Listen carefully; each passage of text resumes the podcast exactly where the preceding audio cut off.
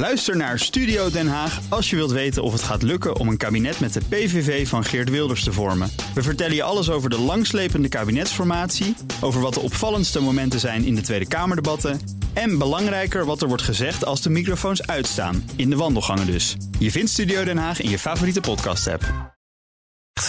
De column van Jaap Jansen. Gerrit Braks was minister van Landbouw in drie kabinetten. Ik mocht eens met hem mee in de dienstauto naar Brabant, waar hij een afgeladen zaal vol boze boeren toesprak. Er was te veel mest en Braks kwam vertellen dat minder varkens en minder pluimvee toch echt noodzakelijk was. Op weg naar de bijeenkomst pakte hij de autotelefoon, een zwart bakbeest met zo'n kruldraad eraan. Hoe is het daar? vroeg Braks. Ze zijn laaiend, klonk het aan de andere kant van de lijn. Dat is niet best, zei de minister. Hij keek naar mij en grijnsde. Eenmaal binnen deed hij zijn jasje uit. De bewindsman werkte zich in het zweet om de boeren uit te leggen dat het echt niet anders kon. Het was hoogst noodzakelijk zware maatregelen te nemen.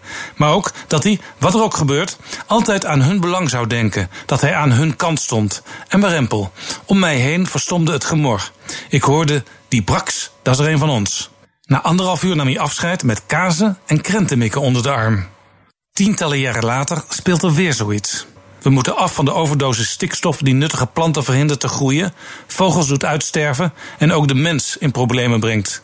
De hoogste rechter heeft het bestaande beleid afgekeurd. Voorlopig mag er niet gebouwd worden. De landbouw is verantwoordelijk voor bijna de helft van de uitstoot. En Tjeerd de Groot van D66 stelde voor de veestapel te halveren. Hard, maar er moet iets gebeuren. Overigens overwegen vier op de tien boeren te stoppen, bijvoorbeeld omdat in de familie een opvolger ontbreekt. Halveren kan dus best, op termijn. Trekkers op weg naar het Malieveld blokkeerden deze week het halve land. Meer dan 1100 kilometer file. De hele CDA-fractie kwam naar het Malieveld. Net als Theo Hiddema, want die was op de boerderij opgegroeid. VVD-Kamerlid Helma Lodders had een t-shirt aan met daarop het opschrift hashtag trots op de boer. Steen des aanstoots Tjeerd de Groot sprak ook. Hij nam niks terug. Het eerlijke verhaal moest verteld, zei hij. Oud-staatssecretaris Henk Bleker deed ook een duit in het zakje.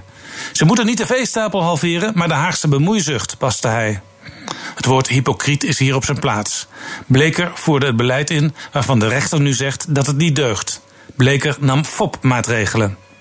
Zolang ik minister van Landbouw ben, komt er wat mij betreft geen halvering van de veestapel, riep minister Carola Schouten onder luid gejuich. Ik dacht, hoeveel procent wordt het dan? Want het kabinetsdoel is een kringlooplandbouw. En dat kan niet met het huidige systeem. En ze vertelde niet het hele verhaal. In haar spreektekst, te vinden op de website van het ministerie, blijkt in die cruciale zin een woordje extra te staan: geen gedwongen halvering. Ik vrees voor de boeren dat nog heel wat onvrede zal volgen. Want er moet iets gebeuren, hoeveel wij ook van onze boeren houden. Gerrit Braks hoefde geen t-shirt om te laten blijken hoe trots hij was. Bij hem geen hypocriet gewauwel of weggelaten woordjes. Braks kon zijn mensen overtuigen van het onvermijdelijke. Hadden wij nu nog maar een Gerrit Braks. De column van Jaap Jansen elke donderdag hier in de ochtendspits op bnr.nl. En in de BNR-app vind je veel meer columns en podcasts. Ook Liesbeth Staats vind je in de BNR-app. Ja, heel handig. Luister live naar Kees en mij tijdens de Daily Move. Dan blijf je ook gelijk op de hoogte van breaking news en het laatste zakelijke nieuws. En daar vind je ook alle BNR-podcasts, waaronder de Perestrooikast. Download nu de gratis BNR-app en blijf scherp.